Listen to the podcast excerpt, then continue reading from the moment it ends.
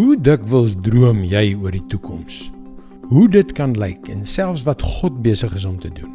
Of is jy eenvoudig elke dag net te besig met jou eie dinge om jou kosbare tyd aan dagdrome af te skryf? Hallo, ek is Jockey Gouchee vir Bernie Diamond en welkom weer by Fas. Ek het onlangs 'n boek deur 'n bekende maatskaplike navorser gelees wat werksessies met baie gewone mense soos ek en jy aangebied het om te ontdek wat mense dink en waarheen die samelewing op pad is.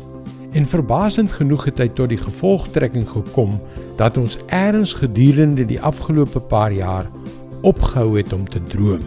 Ons het opgehou om hoop vir die toekoms te hê. Hoekom?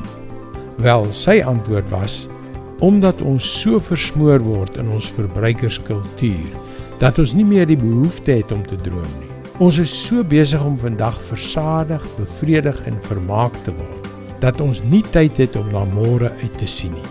Maar sê nou God het ons geskep om te droom. En sê nou drome is 'n intrinsieke deel van ons mondering. En sê nou God wil sy magtige planne aan ons openbaar en ons daaroor laat nadink. Sê nou.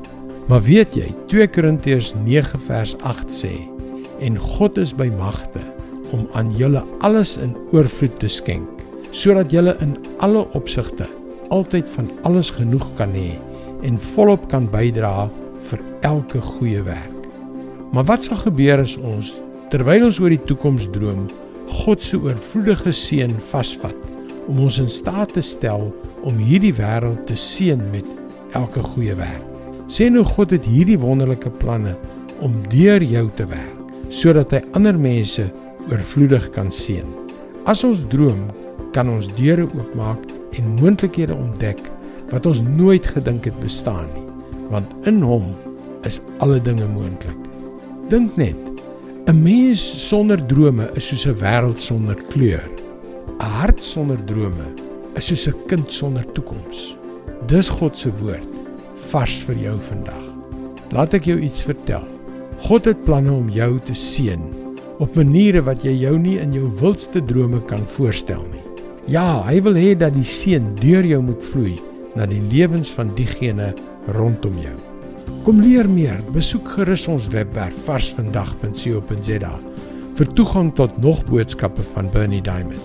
Sy boodskappe word reeds oor 1300 radiostasies en televisienetwerke uitgesaai. Skakel weer môre op dieselfde tyd op jou gunstelingstasie in. Mooi loop. Tot môre.